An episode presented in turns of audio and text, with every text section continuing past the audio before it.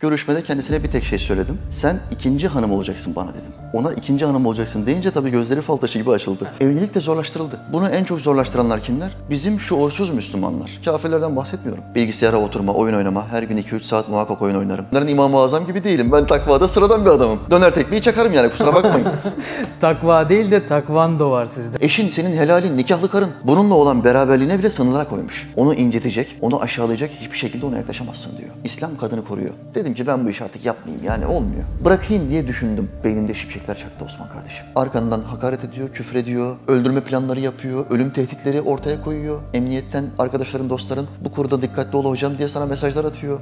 Benim anlattığım hakikatlere bak sen. Sen giydiğim şeye niye bakıyorsun? Var. Çekememezlik yapacaksan sanatçıları çekememezlik yap. En pahalı arabalara onlar biliyor. En kaliteli yerlerde onlar oturuyor. Bizim hiçbir yerde oturduğumuz yok. Allah'a sabahtan akşama kadar küfreden ateistler en güzel arabaya binecek de. Ben niye binemeyeyim? Ben niye giyemeyeyim? Arka taraftan omzuna elini attım. Başımı başına dayadım. Kardeşim afiyet olsun dedim. Ama elimi omzuna attığımda erkek omzu gibi değildi. Eyvah. Eyvah.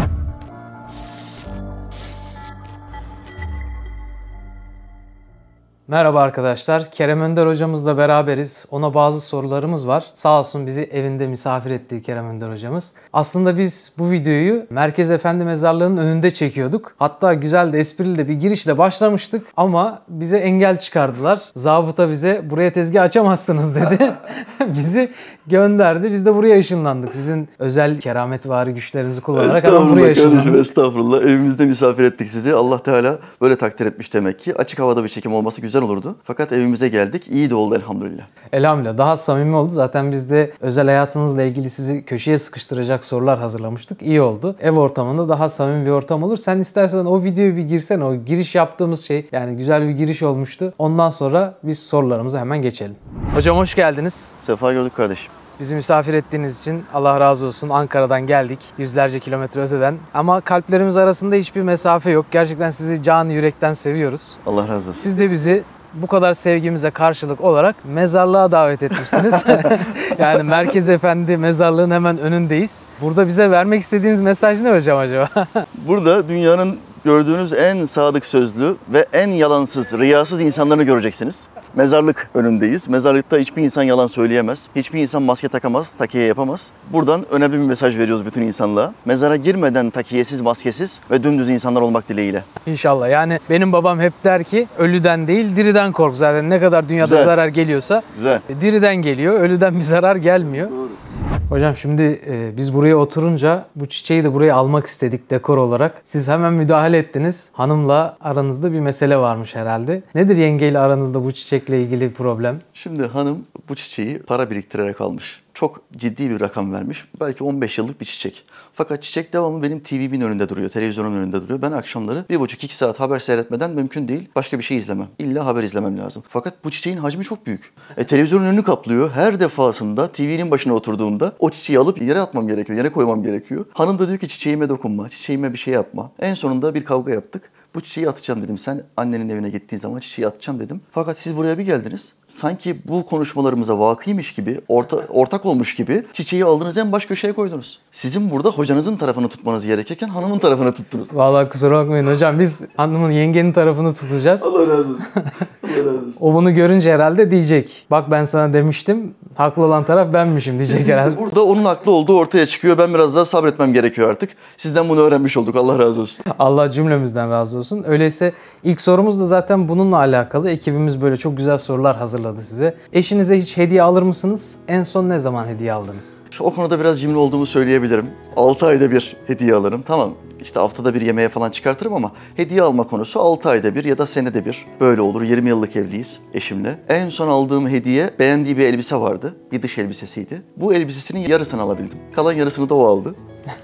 Onun da kira geliri olduğu için annesinden. Oradan elbisenin yarısını kapattı, yarısını da ben kapattım ve elhamdülillah gönlünü tamam ettik. İnşallah mutlu olmuştur. Peki hocam ne işle meşgulsünüz? Hani hep böyle İslam'la uğraşan, imani hizmetler yapan insanlara fix bir soru sorulur. Nereden gelir bu değirmenin suyu? Halbuki değirmenden su gelmese bile, kurusa bile o kişiler maddi olarak zorlansa da, hayatına dair sıkıntılar yaşasa da daima bu soru sorulur. Sorulur, doğru İnsanlar sanki e, Müslüman alimlerimizin, hocalarımızın sıkıntı sıkıntı çekmesini isterlermiş gibi sürekli onları bu şekilde baskı altına alıyorlar. Peki siz ne işle meşgulsünüz hocam? Şimdi 39 yaşına kadar babamın çanta tezgahı, atölye, imalat, imalattan mağaza satışı yapardık. Kardeşimle ortak babamızın vefatından sonra kardeşimizle bu işi devam ettirdik. Mağazamız Beyazıt'taydı. Orada 39 yaşına kadar bundan 2 sene önce işi bıraktım. O zamana kadar devam ettik. Bu İslami hizmet çok fazla genişleyince, meşgalemizi çok fazla alınca dükkana gidememeye başladım. Tamamen kendimi bu işe vermek zorunda kaldım. E orada kardeşime dedim ki sen devam et. Bu işte çalışıyorken bana bir kira ödemesi yap. Bari faturalarımı falan ödeyeyim. Bizim değirmenimiz kira ödemesinden geliyor. Su falan geldiği yok. Damlıyor.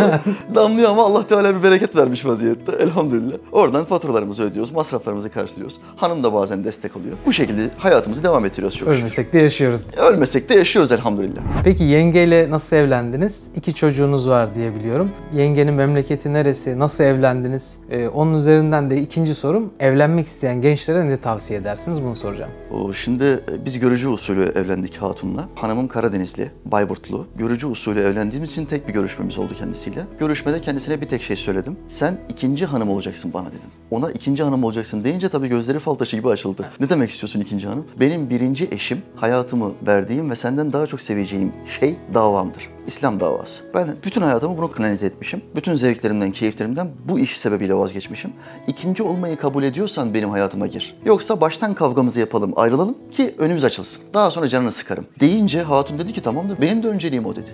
Ben de onu istiyorum dedi zaten. Böyle bir adamla beraber olmak istiyorum dedi. Allah razı olsun. Hayatımın içine girdi. Evlendik. Bir oğlum var. Bir kızım var. Oğlum 18 yaşında. Ehliyetini yeni aldı. İnşallah askere göndereceğiz. Kızım 14 yaşında. İmam Hatip Lise, Lise 1'e yazdırdık daha yeni çok güzel bir okula. Maşallah. Yeni açılmış bir okula koyduk onu. Elhamdülillah ikisinden de memnunuz. Hanımdan da memnunuz. Hayatımız gayet güzel bir şekilde devam ediyor. Gençlere tavsiyem evlenmeden önce kavgaları yapmaları. Evlilikten önce muhakkak görüşmeler var. Evlilik görüşmesi yapmak zorundasın. Görmeden, konuşmadan evlenmek Muhammed Aleyhisselam'ın sünneti değil. Bu konuşma esnasında ya dünyevi isteklerini söyleyecekler, eş olarak alacakları hanımlarına ya da uhrevi isteklerini söyleyecekler. Akıllı, şuurlu bir Müslüman, uzun vadeli bakabilen bir Müslüman uhrevi isteklerini söyler ve der ki benim bir hayatım var. Bu hayat temeline, merkezine İslam almış bir hayattır. Allah'ın dinine hizmet için karınca kadar da olsa ben de bir şeyler yapmaya çalışıyorum.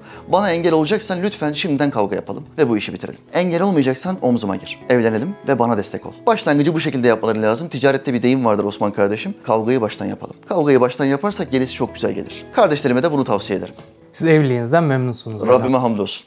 Allah bereketini daim etsin, dünya ahiret saatine vesile eylesin. Şimdi günümüzde ama evlilik daha çok boşanmayla neticelenen bir heves gibi bir hale dönüştü. Ve insanlar artık evlenmenin çok zor olduğunu düşünmeye başladılar. 100 bin lira paran olmazsa evlenemezsin gibi çevreden yanlış yönlendirmeler olabiliyor. Evlilik bu kadar zorlaştırıldı ama zina da çok kolaylaştırıldı diye genelde böyle bir durumla karşılaşıyoruz. Siz ne düşünüyorsunuz hocam bu konuda? Zina kolaylaştırıldı da evlilik zorlaştırıldı mı sanki? Kesinlikle, kesinlikle doğru. Sosyal medya özellikle zinaların artması konusunda hakikaten şeytanın ekmeğine bal sürdü, yağ sürdü. İş çok daha kolaylaştı. Mesajlaşma, görüşme, konuşma, buluşma çok daha kolaylaştı. Ki Artık birisinin numarasını bilmene gerek yok. Onun zaten bir profili var. İsminin bir kısmını yazman profilini bulman için yeterli. Dolayısıyla çok kolay bir şekilde irtibat kurulabildiği için zina kolaylaştırıldı küresel güçler tarafından. Nüfusun azalmasını isteyen, dinin, diyanetin azalmasını isteyen, dinsiz bir nesil isteyen küresel güçler tarafından zina kolaylaştırıldı. Evlilik de zorlaştırıldı. Bunu en çok zorlaştıranlar kimler? Bizim şuursuz Müslümanlar. Kafirlerden bahsetmiyorum. Bizim şuursuz Müslümanlar da evliliği çok zorlaştırdı. Nasıl zorlaştırdı? Erkek hacı amcanın kızına talip olduğunda hacı amca 3 şart koştu. Şart şu. 3 anahtarın var mı? 3 anahtar ne hacı abi? Ev ar- anahtarı, araba anahtarı, dükkan anahtarı. Bu üç anahtar yoksa sana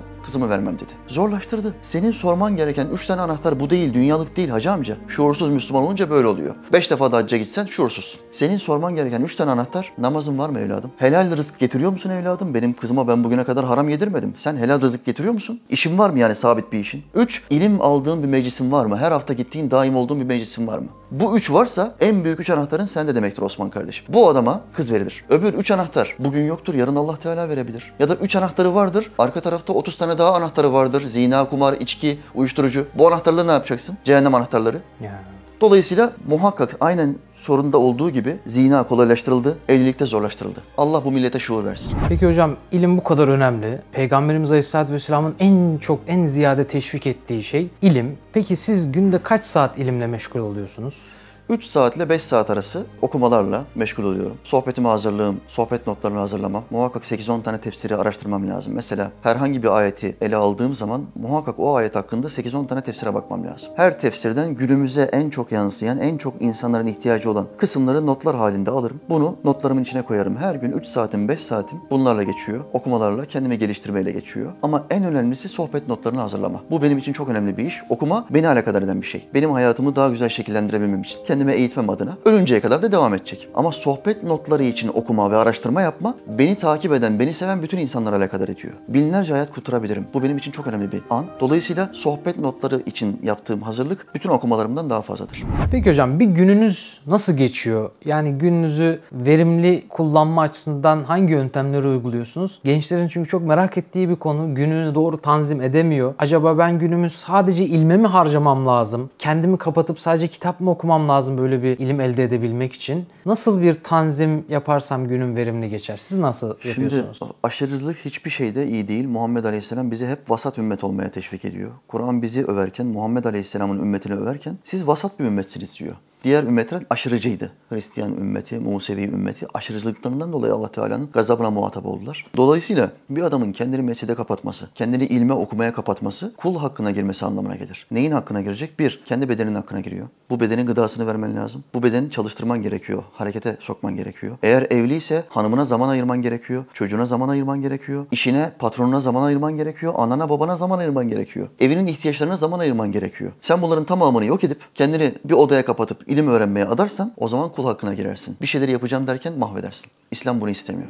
Efendimiz Aleyhisselam sahabenin bir tanesini gördü. Mescitte namaz kılıyor. Öğleyi kıldırdı, sahabe namaz kılmaya devam etti. İkindiye geldi, Muhammed Aleyhisselam namazı kıldırdı, sahabe ikinden sonra namaz kılmaya devam etti. Peygamberimiz Aleyhisselam buyurdu ki sen ne yapıyorsun burada? Ey Allah'ın Resulü nafile namaz kılıyorum. E biz namazı kıldık, vazifemizi yaptık. Senin işin yok mu? Bakmak zorunda olduğun bir ailen yok mu? Evet var ey Allah'ın Resulü. Namazını kıldın, şimdi dışarıya çık, rızkını ara. Allah böyle sevmez. Allah aşırı gidenleri sevmez. Dedi. Bu bizim peygamberimiz. Biz ne oluyoruz ki onun takvada önüne geçmeye çalışıyoruz? Allah'ın selamı onun üstüne olsun. Dolayısıyla kardeşim muhakkak bir nizama koyması gerekiyor. Ben sabah kalktığımda saat 9.30-10 arası kalkarım. Kalkar kalkmaz hemen abdestimi alırım. Bir bardak suyumu içerim. Hemen egzersize başlarım. Bu bedenin bende hakkı var. Bu bedenle hizmet etmem gerekiyor. Hizmetimin devam etmesini istiyorsam bedenime bakmam gerekiyor. Bunun yolu da iyi beslenme bir, iki spor. Egzersiz yapacaksın. Her gün yarım saat egzersizim var, yarım saat yürüyüşüm var. Sabah kalkar kalkmaz egzersizimi yapıyorum. Hatun kalkıyor. Kahvaltıyı hazırlamaya başlıyor. Bu gördüğünüz mutfakta. Kahvaltıyı hazırlıyor. Çayım en evvel hazırlanmak zorunda.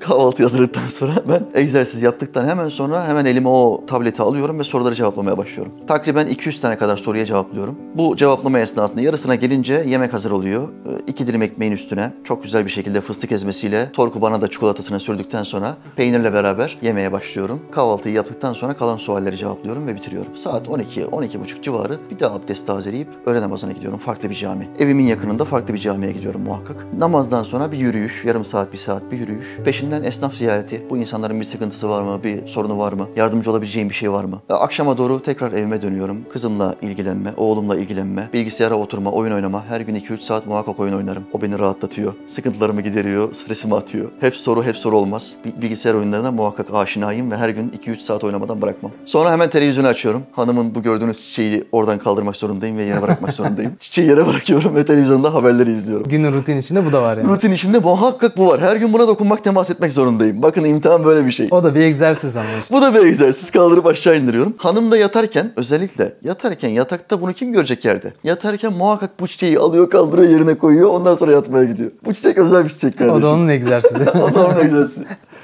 İşte günümüz böyle geçiyor kardeşim. Hem İslam'a hizmet, hem bedene hizmet, hem aileye hizmet. Ve hem nefse hizmet. Burada nefse hizmet de var, yemesi var, eğlenmesi var. Çocuğunla eğleniyorsun, kızınla eğleniyorsun, hanımınla eğleniyorsun, nefse hizmet de var. Dolayısıyla mümin her açıdan bütün bu hazları, hem manevi hazlar hem nefsi hazları helal dairesi içinde yerine getirir ve gününü bu şekilde değerlendirmiş olur. Böyle bakınca bir müminin hayatı hiç de sıkıcı değilmiş. Helal dairesi geniş, keyfe de kafi geliyor. Sıkıcı böyle insanlar zannediyor ki İslam bir hayat tercih edersem sıkılacağım, her şeyden mahrum kalacağım. Hayır, helal olan her şeyden istifade edebiliyor. Bir yandan da ilim öğrenebiliyor demek Kesinlikle. ki. mümin. Hobileriniz neler? Yani böyle keyif aldığınız işler var mı? Ekstra uğraştığınız uğraşlarınız neler? Sporu çok seviyorum. Her gün muhakkak bir saatim onda geçiyor. Ee, bunun dışında belgesel izlemeyi çok severim. Her gün muhakkak bir belgesel, bir iki bölüm TV'den seyrederim. Normal reklamlı kanalları hiç seyretmiyorum. Çünkü reklam hiç hoşuma gitmiyor. İnternet üzerinden belgeselleri bulursam muhakkak seyrederim. O genel kültür konusunda büyük katkıda bulunuyor bana. Haberleri muhakkak seyrederim. Her gün yarım saat bisiklet kullanmaya çalışırım. Yürüyüşüm zaten çok keyifli ve her gün farklı bir camide namaz kılmak. Bunlar benim en güzel hobilerim. Bilgisayar oyunu muhakkak her gün 2-3 saat oynarım. Tabii oyun alacak durumumuz falan yok. Şu anda oyunlar falan çok pahalı. Bu işlerde yetkili olan yayıncı kardeşlerim bana şifrelerini veriyor. Hocam şu- sen şu tarzı çok beğenirsin. Strateji, zeka yorma senin çok sevdiğin tarz. Muhakkak bunu oyna. Bana teşekkür edeceksin. Tamam kardeşim ver şifreyi. Oynuyorum. 1-2 haftada oyunu bitiriyorum. Şifresini iade ediyorum. Bu şekilde günlerimiz geçiyor. Bu tür hobilerimiz var kardeşim. Bir de tekvando var herhalde. Tekvando, uzak doğu onu asla bırakamam. Tabii şu anda bir kum torbası falan yapacak bir durumum yok. Evim biraz ufaktır. Kum torbası koyacak durumumuz yok. Ee, eskiden kum torbası koyuyordum annemin dairesine. Balkonda harika bir kum torbam vardı. Orada çok iyi çalışmalar yapıyordum. Şu anda sadece yürüyüş, koşular ve e, gölge dövüşü. Yani boşluğa yumruk atma, tekme atma. Bunları yapabiliyorum egzersizin yanında. Elhamdülillah bedenimize de bakıyoruz, ruhumuza da bakıyoruz, nefsimize de bakıyoruz. Yani size saldıran birisi olursa, mesela yaptığınız sohbete bir eleştiri olursa bundan sonra daha dikkat edecek. Daha dikkatli olsunlar. Temkinli olacak. Arkamdan sallayabilirler. Günahlarımı alırlar. Sevaplarım artar. Ahirette gırtlaklarına nasılsa yapışacağım. Ama yüzüme karşı yapmamalarını tavsiye ederim. Çünkü takva konusunda ben bir İmam-ı Azam gibi değildim. Kendisine hakaret eden insana hurma dağıtan, hurma veren, hurma hediyesi gönderen İmam-ı Azam gibi değilim. Ben takvada sıradan bir adamım. Döner tekmeyi çakarım yani kusura bakmayın. Takva değil de takvando var sizde. takvando çok güzel. Çok güzel. Takvando yaparım yani. Takva yapamam ama takvando yaparım. Peki hocam şunu çok merak ediyorum. İslam'a karşı neden bir düşmanlık var? Yani kimsenin tavuğuna kış dediğiniz yok. Siz sadece Allah'ın emrini, peygamberin kavlini söylüyorsunuz, hadislerini aktarıyorsunuz, hükümleri söylüyorsunuz. Yani uygulamak zorundasın kardeşim elimde kamçı var uygulamazsan seni döveceğim demiyorsunuz. Ama insanlarda İslam'a karşı bir düşmanlık var ve rahatsız oluyorlar İslami bir şeyleri duymaktan. Bu düşmanlık neden var sizce? Şimdi iki şeyden dolayı oluyor bu. Bir, hayatlarına müdahale etmesini istemiyor. Yani şuursuz Müslümanlar Allah'ın olmasını istiyor. Sıkıştığım anda yalvarabileceğim bir zat olsun diyor. Ama benim hayatıma müdahale etmesin diyor. Benim faizime karışmasın. Bankada 200 bin TL'mden her ay 2000 TL, 3000 TL faizim geliyor. Bu- Buna karışmasın. Benim ticaretime karışmasın. Benim izlediğim iğrenç filmlere karışmasın diyor. Bunu istemediği için, Allah'ın müdahale etmesini istemediği için İslam'a karşı bir, bir ön yargısı var, bir antipatisi var. Bu şuursuz Müslümanlar grubu. Bir de İslam düşmanları var. Yani İslam'ın dünyada yaşanılabilirliğini azaltmaya çalışan insanlar. Bunlarsa bir proje. Ortaya koydukları proje şu, İslam'ı her alanda kötülemek. Bu adamlara baktığınız zaman, bu ateistlere, deistlere ya da komünistlere baktığınız zaman ideolojiye, ideolojilere yani insan yapımı farklı dinlere saplanmış durumdalar. Neden tamamı İslam'a saldırıyor? Neden bunlar Hristiyanlık hakkında reddiyeler yapmıyorlar? Hristiyanlık ya da Yahudilik hakkında ya da Budizm hakkında videolar çekmiyorlar. Devamlı hepsi ortaklaşa sanki anlaşmış gibi İslam'a saldırıyorlar. Bunun sebebi ne? Çünkü bozulmamış olan tek din İslam. Bunun farkındalar, bunu biliyorlar. Kuralları, ritüelleri çok fazla İslamiyet'in. Bunu biliyorlar. Bozulmadığının en büyük delili bu. Yatak odasından tuvaletine kadar her şeyine karışan bir din İslam. Hristiyanlık gibi değil. Hristiyanlığın içi boşaltılmış. Haftada bir kiliseye git, her şey serbest diyor. Böyle bir din. İslam böyle değil. Tuvalete sol ayakla gireceksin diyor ya. Benim tuvalete giriş şeklime bile karışan bir dinim var. Yatak odana girdiğin zaman böyle yatacaksın. Eşin senin helalin, nikahlı karın. Bununla olan beraberliğine bile sınırlar koymuş. Onu incitecek, onu aşağılayacak hiçbir şekilde ona yaklaşamazsın diyor. İslam kadını koruyor. Dolayısıyla içi boşaltılmamış bir din olduğu için buna düşmanlık ediyorlar. İnsanların bu din ile yaşamasını istemiyorlar ve devamlı surette İslam'a saldırıyorlar. Düşmanlığın ana sebebi bu. Peki insanlar neden ateist veya deist olur sizce? Bunun elbette altında bazı nedenler vardır. Bu aralarda biraz sanki artış olduğunu gözlemliyor gibiyiz. Sizce neden insanlar ateist veya deist oluyorlar? Bütün dünyada sadece Türkiye'de değil bütün dünyada ateizm ve deizme bir yönelme var. Ateist olamayacak kadar ileriye gidemeyene, boş bakamayana bu sanat mümkün değil bir sanatkar olmadan bu sanat mümkün değil olmaz diyene o zaman seni deist yapalım diyor. Deizmin ritüellerini, bilgilerini o kişiye veriyor. Ve yet- yeter ki buradaki amaçları, küresel güçlerin buradaki amaçları dinsiz bir nesil. Dinsiz, evliliksiz, çoğalmasız, nüfusun azaltılabildiği bir nesil. Bunu istiyorlar. Bu yüzden her platformda ateizmi ve deizmi körüklüyorlar. Ateizm bugün şu demektir. Isıya inanıyorum, ışığa inanıyorum ama güneşin var olduğuna inanmıyorum. Ateizm bu demektir. Kafanı kuma gömerek kendinin kimse tarafından görülmeyeceğini düşünemezsin. Bunu ancak bir deve kuşu düşünebilir. Sen insansın, sen deve kuşu değilsin. Kafanı kuma gömdüğün zaman seni hala gören bir sürü insan var. Sana temas eden rüzgar var. Sana değen bir yağmur var. Kafanı kuma gömmekle gerçekleri kapatamazsın. Sen bir insansın. Dolayısıyla bir sanat varsa ortada ki bütün bilim adamları, ateist bilim adamları bile bunu kabul ediyor. Ortada bir sanat var. Bugün bir Jüpiter'i Samanyolu galaksisinden çekip alsan Jüpiter ya da bir Neptün'ü ya da bir Ay'ı çekip alsan dünyada yaşam biter. Allahü Teala hepsini bir merkeze oturtmuş ve akıp gidiyorlar Kur'an'ın deyimiyle. Ve en ufak bir yaklaşma ve uzaklaşma bile yok. Sınırı aştığı anda yaşam bitecek çünkü. Bu nasıl tesadüf eseri olabilir? Nasıl böyle bir şey olabilir? Bu suallere cevap veremedikleri için kolaya kaçalım, inkar edelim ve kurtulalım. Güneşi inkar etmekle kurtulamazsın.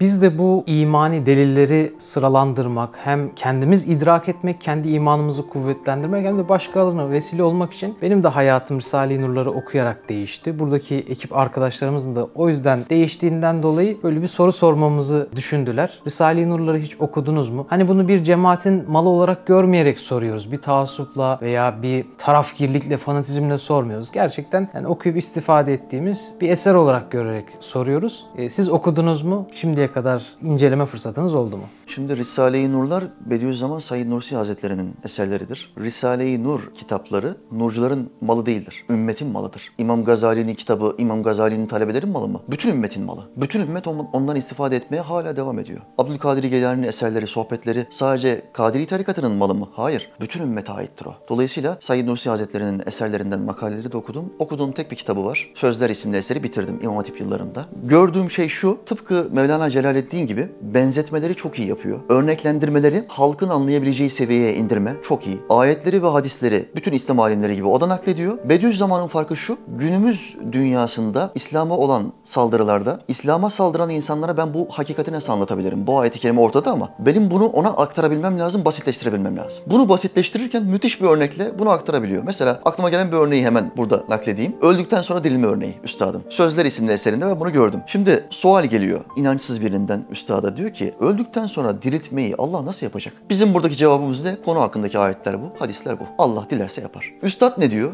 O kişi bu soruyu sordu ama o kişinin anlayışına göre benim bunu bir örnekle, güncel bir örnekle betimlemem lazım. Kolaylaştırmam lazım. Diyor ve örneği patlatıyor. Diyor ki bir askeriyede yeni asker olmuş bir insanların içtimaya toplanma emri geldiğinde ilk içtimaları mı daha kolay olur o askerler için? İkinci içtima borusu geldiğinde toplanmaları mı daha kolay olur? İkinci daha kolay olur. İkinci tabii. çok daha kolay olur çünkü bir kere görmüşsün, yapmışsın. Komutanın o askerleri ilk toplaması mı daha zordur, ikinci toplaması mı daha zordur? İlk toplaması. Elbette ki ilk toplaması daha zordur. Allah Teala bizi yoktan var etti. Bakın bu ilk toplayış. Dünya denilen bir yerde hem cinleri hem bizi yoktan var etti, örneksiz yarattı. Kainatı, dünyayı, Samanyolu galaksisini örneksiz yarattı ve bizi topladı ve bize hayat verdi. Yaşıyoruz hala. İkinci toplayışı bundan çok daha kolay olacaktır. Çok güzel bir örnek. Şu verdiği örneğe bakar mısın Allah aşkına? Şimdi böyle bir İslam alimi dolayısıyla ümmetin malıdır, ümmetin alimidir. Başımızın üstünde yeri vardır. Taassup cahillerin işidir. Bu bize aittir. Bundan daha büyük alim yoktur. Başkasını dinle. Hayır. Risale-i Nur okuyan bir insan bütün ehli sünnet alimleri okuduğu gibi biz ehli sünnet ulemanın eserlerini okuyan talebeler de, hocalar da, İslam davetçileri de Risale-i Nur'u okuruz ve okumaya devam ederiz. Tavsiye etmeye devam ederiz. Peki ilmin öncülerinden Efendimiz Aleyhisselatü Vesselam'ın arkadaşlarından, sahabe-i kiramdan en sevdiğin sahabe kimdir hocam? Oo, çok çok güzel soru. Mus'ab bin Umeyr. Allah ondan bin kere razı olsun. Benim rol modelimdir. Halk arasında idolüm diye bir tabir var. İdol put demektir. Bu caiz değil. Rol modelimdir. Hani nasıl bir müezzinin rol modeli Bilal-i Habeşi'dir. Bir komutanın rol modeli komutanların piri Hazreti Hamza'dır. Allah'ın selamı onların üstüne olsun. Benim rol modelim İslam davetçisi olduğum için Mus'ab bin Umeyr'dir. Mübarek, babası zengin fakat müşriklerden birisi. Kendisi Muhammed Aleyhisselam'a tabi oluyor. Bir sohbetini izledikten hemen sonra şehadet getiriyor ve ona biat ediyor. Babasının yaptığı tehdit şu. Eğer Muhammed'i terk etmezsen mirasımdan zırnık alamazsın. Mus'ab da 16-17 yaşlarında gencecik bir çocuk. Muhteşem yakışıklı, çok zengin. Mekke'nin bütün kızları onunla ya zina etmek istiyor ya da evlenmek istiyor. Bunların tamamını reddediyor İslam'la tanıştıktan sonra. Ve babasına diyor ki ben bu davaya baş koydum. Allah'ın peygamberi Muhammed'dir sallallahu aleyhi ve sellem. Hayatımın geri kalanında onunla beraber olacağım diyor. Babasını falan terk ediyor, servetini tek eliyle itiyor. Böyle kaliteli bir sahabe. Bu yüzden benim rol modelim dediğin zaman bütün sahabelerin önüne ben Hazreti Musab bin Umeyr'i koyarım. Allah Teala mahşer delilerini öpmeyi nasip etsin. Amin inşallah. Musab bin Ümeyr'in hayatına ben de hayranım. Zaten çınar altındaki bütün gençler de onu örnek alıyorlar. Allah ondan razı olsun. Hayatı Amin. hep bir mücadeleyle geçmiş, hep zorluklarla geçmiş. Hep böyle Efendimiz Aleyhisselatü Vesselam'ın elçi olarak gönderdiği hicretlerin yolcusu olmuş, zorlukların yolcusu olmuş. Siz de şimdi onu örnek alan birisi olarak acaba zorluklarla karşılaştınız mı? Hiç böyle vazgeçmeyi düşündünüz mü? Hiç pes etmeyi düşündünüz mü? Nasıl bir süreçlerden geçtiniz? Bir kere oldu kardeşim. Ee, O zamanlar ev sohbetleri yapıyorduk. 10 kişi falanız. Tabii e, bizi yöneten idare de o dönem İslam'a karşı olan bir idare vardı. Ev sohbetlerinde 10 kişi falan geçmemen gerekiyordu. Çünkü hemen evine baskın yapılıyor, terörist muamelesi yapıyordu ve seni nezarete atıyorlar. Bir gece nezarete tutuyorlar. Tabii bir delil falan olmadığı için salıyorlar. Ama gözümüzü korkutmak istiyorlardı. Bu yüzden ben kardeşlerime ev sohbetleriyle başladık biz bu işe. 10 kişiyi geçmeyin diye söylüyordum. Bu esnada sohbetlerimizi yaparken 3 kardeşim ayrıldılar ve eski kötü yaşamlarına döndüler. Bu benim moralimi çok bozdu. Zaten 10 kişiyiz. Yeni insanların katılmasını engellemeye çalışıyorum. Size bir şeyler vermeye çalışıyorum. Hayatımdaki niyetim şuydu. 10 tane benim gibi İslam davetçisi yetiştirebilirsem kendi etraflarındaki insanlara faydaları olabilir. Niyetim bu. Ama 3 kişi ayrıldı ve bu beni çok demoralize etti. Dedim ki ben bu işi artık yapmayayım yani olmuyor. Zaten başımızdaki idare de İslam'a karşı. Bırakayım diye düşündüm ve ev sahibi evini açmış olan kardeşime telefon açtım. Kardeşim dedim ben bundan sonraki haftalarda gelmeyeceğim. Ayrılmış olan kardeşleri de gördüm eski yaşamlarına geri döndüler. Kardeşim bana şöyle dedi. Hocam dedi tamam özgür bir insansın istediğini yapabilirsin ama sen bizim evimize geldiğinde sohbet yaptığında orada 7 kişi daha var. Bu 7 kişiden herhangi bir tanesi senin sohbetlerinde deşarj olmazsa, şarj almazsa, kuvvetlenmezse ve zayıfladıktan sonra namazı bırakırsa bunun sana bir yansıması olmaz mı? Dedi. Beynimde şipşekler çaktı Osman kardeşim. 3 kişi nedir ya? 7 kişi gitsen olur. Orada 3 kişi daha var. Gidenler gitsin kalan sağlar bizimdir demen lazım. Bak burada 7 kişi var. Ya bunlardan bir tane İslam davetçisi yetiştirebilirsem o benim ulaşamadığım kadar büyük kesimlere ulaşabilirse nereden biliyorsun? Nereden biliyorsun? Senden çok daha fazla kitleye ulaşabilir. Allah Teala ona senden sana verdiğinden çok daha fazla bir tesir verebilir. Bunu bilmiyoruz. Dolayısıyla burada yetiştirilmeyi bekleyen daha 7 kişi var dedim ve o kırılma anıydı benim için. Tövbe ettim, görüşümden döndüm ve sohbetlere devam ettim. Bak bugün buradayız. Bizi yüz binlerce insan seyrediyor. Rabbime hamdolsun. Efendimiz Aleyhisselatü Vesselam'ın hayatından hocam sizi en çok etkileyen hangi sahnedir, hangi kesittir? Yani birçok şey var, birçok beni çok etkileyen, kalbime bıçak saplayan mesele var ama bir tanesi başlangıç dönemleri en zor olandır. Peygamberler için başlangıç dönemleri en zor anlardır. Daha yeni tebliğ etmiş Muhammed Aleyhisselam İslam'ı. Daha yeni açıktan aleni bir şekilde anlatıyor. Ebu Cehil Mekke'deki müşriklerin lideri Efendimizin karşısına geliyor ve yolda onu kıstırıyor sokakta. Tam karşısına geliyor, Peygamberimizin sakalını tutuyor. Sana yazıklar olsun diyor ya Muhammed. İlk başladığı cümle bu. Peşinden ölmüş annesine, ölmüş babasına ve bütün sülalesine yüzüne tükürüklerle beraber küfür ediyor. Muhammed Aleyhisselam'ın karşısında. Peygamberimizin siyer kaynaklarında bu olayı okurken peygamberimizin tavrına baktım. Yani bir detay veriyor mu bana? Efendimiz Aleyhisselam karşısında sadece onun yüzüne bakıyor. Yüzü kıpkırmızı oluyor, çok üzülüyor ama tek kelime cevap vermiyor. Osman tek kelime cevap vermiyor. Bu bir peygamber, Allah'ın peygamberi. Ben İslam davetçisiyim, onun yolundan gittiğini söyleyen bir insanım. Benim karşımda bir insan bırak sakalımı dokunmayı ya da temas etmeyi, küfretse benim karşımda yüzüme, takva seviyem çok düşük ve sıradan bir Müslüman olduğum için hemen döner tekmeyi suratına basarım. Şeriatın kestiği parmak acımaz. Şeriatı uygularım orada. Yüzüme karşı küfrettiği için. Allah'ın peygamberi tek kelime cevap vermiyor. Sonra ne oluyor? Ebu Cehil Kabe'ye gidiyor. Muhammed Aleyhisselam'ın öz amcası Hazreti Hamza'ya. Kadının biri olaya şahit olmuş olan bir kadın bu olayı anlatınca Hazreti Hamza komutanları, İslam komutanlarının lideri. Nerede diyor Ebu Cehil? Ebu Cehil Kabe'ye gitti diyorlar. Hemen Ebu Cehil'in yanına geliyor. O bildiğiniz Çağrı filmindeki meşhur sahne. Bunlar hep siyer kaynaklarından alınmıştır. Ebu Cehil diyor ki ben de Muhammed'in, yeğenim Muhammed'in inanışını paylaşıyorum. Allah'ın bir olduğuna, yeğenimin peygamber olduğuna, son peygamber olduğuna iman ediyorum. İtirazı olan varsa yiğitse karşıma çıksın kılıcını çeksin diyor. Ebu Cehil bir hakaret daha yapıyor. Tabii küfür etmiyor amcasının yanında. Küçük bir hakaret daha yapıyor. Senin yeğenin bir sahtekar diyor. Deyince Hazreti Hamza okunun sırtıyla ve yumruğuyla dönüp Ebu Cehil'in suratına, çenesine bir çakıyor ve çenesini kırıyor. O sahneyi zaten filmden hatırlarsın. Muhammed Aleyhisselam susuyor, cevap vermiyor. Kim alıyor Muhammed Aleyhisselam'ın hakkını? Allah Teala alıyor. Başka bir kulun eliyle Muhammed Aleyhisselam'ın hakkını alıyor. Bu benim peygamberimdir. Tamam kalite olarak mümkün değil onun yanına yaklaşamam ama yani onun yaptığı kaliteyi, onun yaşadığı kaliteli standardı, hayatı anlatırım. Anlatmaktan da usanmam. Peki bununla alakalı bir şey sorayım. Size hakaret edenlere bir şey söyleme imkanınız olsa, karşınıza gelseler o kişiler, bir şey söyleme imkanınız olsa onlara ne derdiniz?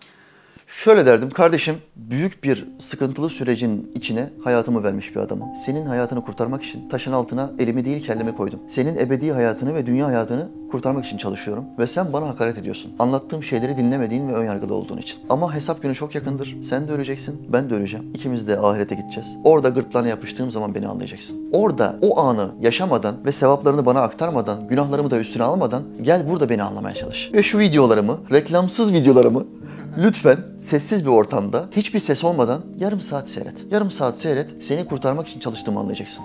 Bu adamın hiçbir menfaati yok. Video atmak demek, YouTube'a bugün video atmak demek, hapse atılma riski ortaya çıkması demek. Dobraysan düşman edinme riskinin ortaya çıkması demek. Öldürülme riskinin ortaya çıkması demek. Çünkü bir sürü insan yapımı dine tabi olan, ideolojiye ta- tabi olan insan var. İslam'ı anlatmamızdan rahatsızlar. Kendi fikirlerini çürütmemizden rahatsızlar. Ve bunların birçoğu kindar. Arkandan hakaret ediyor, küfür ediyor, öldürme planları yapıyor, ölüm tehditleri ortaya koyuyor. Emniyetten arkadaşların, dostların bu konuda dikkatli ol hocam diye sana mesajlar atıyor. Bu riski alıyoruz biz. Hiçbir para kazanmadan bu riski alıyoruz. Sen de biraz insaflı bir şekilde bak kardeşim derdim yani. Peki hocam siz ilmi araştırmalar yaparken sosyal medyanın farklı mecralarını kullanıyorsunuzdur. En çok hangi sosyal medya mecrasını kullanıyorsunuz? Gün içinde de mesela girip çıktınız. Şimdi benim bütün e, sosyal hesaplarımı talebelerim bakar. Facebook hariç. Facebook tamamen bana ait. Ben bakıyorum o hesaba. İlk başladığım andan itibaren Facebook hesabına kimseye ortak etmedim. Çünkü halkla birebir irtibat halinde olmak istiyorum. Hiç kimseye, diğer kardeşlerime bile anlatamadıkları sıkıntılarını direkt olarak bana ulaşabilmelerini ve anlatabilmelerini istiyorum. Bu yüzden ben sadece Facebook'la ilgileniyorum. Her gün 200 tane ortalama soru gelir Facebook'a. Ben sabahleyin çıkmadan muhakkak onu bitiririm. Bitiremezsem bile parkta otururken 50 tanesini de orada çözerim. Telefonla bu işi bitiririm Allah'ın izniyle. Diğer bütün mecraları, bütün sosyal medya hesaplarını talebelerim kontrol eder. Onları, onlar yardımcı olur. Benim yaptığım sohbetler ya da yazdığım yazılardan nakiller yaparlar. Ya da diğer İslam alimlerinden de nakiller yaparlar. Bu kardeşlerimin sıkıntılarını giderirler. Facebook benim için çok kolay, basit. Çünkü ses kaydı atabiliyorum. Yazma olayı gözlerimi falan çok yoruyor. Hiç yazmayla uğraşmıyorum. Direkt ses kaydıyla nokta işareti. Ona nokta atışı yapabiliyorum. Şu sohbetimi izle kardeşim dedim mi? Hemen YouTube'a arşive giriyor. 5000 tane video var. İslam'a dair 100 sorunun 99'una cevap vermişim. YouTube'a giriyor. ilgili kelimeyi yazdığı anda hemen cevabını görüyor ve peşinden bana geri dönüyor. Allah razı olsun diyor, dua ediyor. Dolayısıyla Facebook'u en çok kullandığım mecra olarak söyleyebilirim. Peki Google kullanıyorsunuzdur. Tabii ki. Google'da en çok arattığınız şey nedir? En çok arattığım şey ayet ya da hadis metinleri. Sohbete hazırlık yapıyorum, vaaza çıkacağım. Orada bir ayet ya da hadis metni hafızamda ama yarısı var. Zincirin yarısı kopmuş. Bir sene önce ezberlemişim, üç sene önce ezberlemişim. Unutmuşum yarısını. Şimdi benim bunu bulmam lazım. İki yöntem var önümde. Ya kitaplarımın tamamını karıştıracağım. Bir saat, üç saat uğraşacağım. O hadisi ya da ayeti net bul- bulabilmek için. İkincisi en kolay yöntem. Google'a ayetin ya da hadisin sadece bir kısmını bile yazsam hemen tam metni ve kaynağını veriyor. Bu harika bir şey. Google'da benim en çok arattığım şey ayet ya da hadis metinleridir. Peki hocam geçenlerde ben e, sizin sayfanıza girince bir şeyi fark ettim. Bir vaaz e, verirken üstünüzde, tişörtünüzde bir marka var. Yani vaazda o kadar güzel hakikatler, o kadar ilmi meselelere giriyorsunuz. Çok da güzel bir sohbetti. Allah razı olsun. Ama kimse onunla ilgilenmemiş. Herkes orada görünen markayla ilgilenmiş.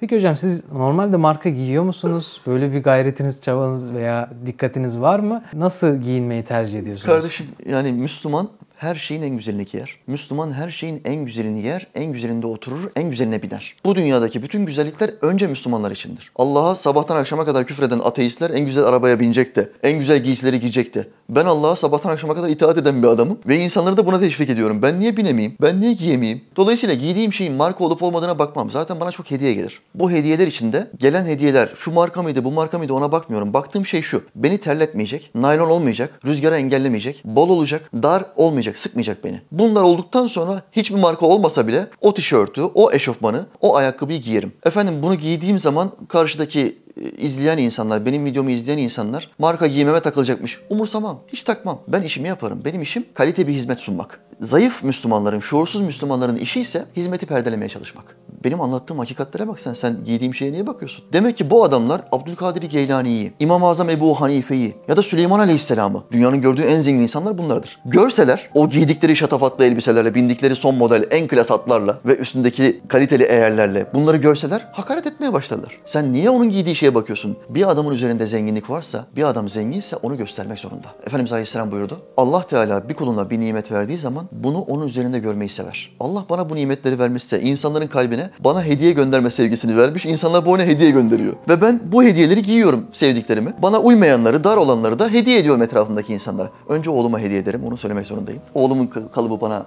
biraz uyuyor. Benden daha zayıf olduğu için önce oğluma. Sonra etrafındaki Müslüman derviş kardeşlerime hediye ediyorum. Niye sana bu batıyor? Yani bu hediyelerin gelmesi niye sana batıyor? Hocanın bir geliri yoktur. Hoca YouTube'dan para kazanmıyor. E bir maaşı da yoktur. Sana Müslümanların hocalara, İslam davetçilerine hediye göndermesi niye batıyor? Efendim üstünde marka varmış. Tesettürüme uygun bir giysi ise markasının ne olduğu önemli değil. Yeter ki üstünde canlı resmi olmasın, kocaman kocaman yazılar olmasın. Giyebilirsin kardeşim. Hiçbir sakıncası yoktur. Herhalde Müslüman hocaların, İslam alimlerinin hep acı çekmesini, sürünmesini istiyor bazı insanlar. Çok enteresan. Yani bir çekememezlik var. Çekememezlik yapacaksan sanatçıları çekememezlik yap. En pahalı arabalara onlar biliyor. En kaliteli yerlerde onlar oturuyor. Bizim hiçbir yerde oturduğumuz yok.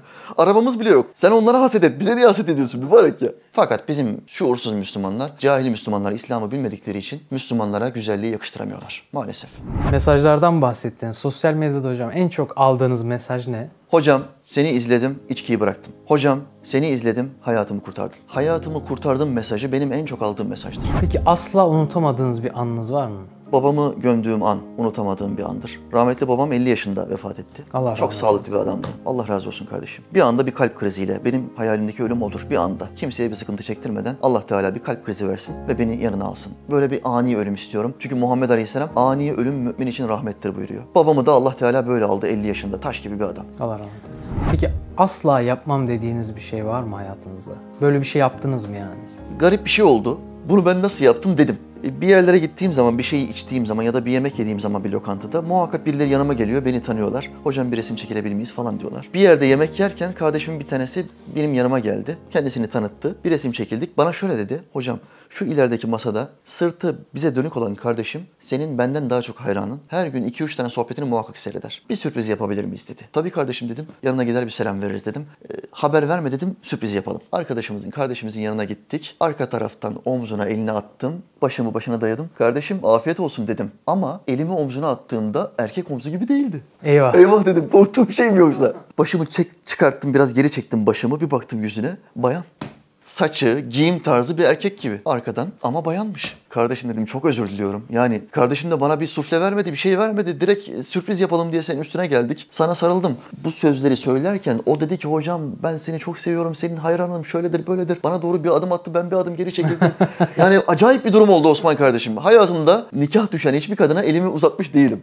Hep mesafeli durmuşumdur. Hep karşı karşıya konuşmuşumdur. Suallerini cevaplamışımdır. Orada ilk defa bir bayana, kardeşime omzuna elimi attım ve başına başımı dayadım. Orada dedim ki afiyet olsun kardeşim. O benim çok garip karşıladığım anlardan bir tanesiydi. Peki eşinizi mesela yemeğe çıkardığınızdan bahsettiniz ya hocam. Böyle çok sevdiğiniz bir yemek var mı? Hani gece yarısında bile gelse, gecenin ikisinde bile önüme koysan dayanamam, yerim dediğiniz bir yemek var mı? Kesinlikle var. Bulgur pilavı. Allah Allah. Bak o bulgur pilavı var ya. Her akşam sofraya çıkartsın, her akşam yerim. Hanımla kavga yaptığım meselelerden ikincisi. Beyaz pilavı haftanın üç gecesi çıkartıyor. Bulgur pilavını iki haftada bir çıkartıyor. Bunu da kaydet. Bunu da kayıttan çıkartma lütfen. Kesilmesin. Bunu da görsün. Şu çiçeğin yanına bulgur pilavı. Bulgur pilavı koyman gerekiyor. İki haftada bir niye yapıyorsun bunu? Beyaz pilavdan çok daha faydalı olduğu vücuda bütün bilimsel e, delillerle ortaya konulmuş bir mesele bulgur pilavının. Niye yani üç defa beyaz pilav çıkartıyorsun? Bize göbek yaptırıyorsun. Bulgur pilavını çıkartmıyorsun. Hatun Allah'tan kork. O bulgur pilavı Osman kardeşim gecenin ikisinde üçünde gelsin. Ekmek zaten ben ekmek yemiyorum hiç. Ekmeksiz bir şekilde onu götürürüm Allah'ın izniyle. Ufak da bir peşinden aksiyon yaparım. Yatağıma giderim. Kestane şekeri affetmem. Hayatta kaçırmam. Kestane şekerini muhakkak yerim. Mısır nerede görsem muhakkak yerim. Hayatta kaçırmam kardeşim. Bunlar asla vazgeçemediğim yiyecekler. Allah razı olsun bize zaman ayırdınız. Sizden de razı Gerçekten olsun. çok keyifli bir sohbetti. İnşallah e, bunun rövanşını da Çınar altında bekleriz. Sizi de oraya İnşallah e, davet kardeşim. edelim Kahvenizin şekilde. metnini duydum. Allah'ın izniyle Ankara'ya geldiğimde muhakkak kahvenizi içeceğim kardeşim. Çayımız mı daha güzel, kahvemiz mi daha güzel, yemeğimiz mi daha güzel bilmiyorum. Göreceğiz. Hepsini deneyin inşallah. Allah'ın izniyle. Hepsini yapacağız kardeşim. Peki Allah razı olsun. Görüşmek üzere hocam. Allah'a kardeşim. emanet olun.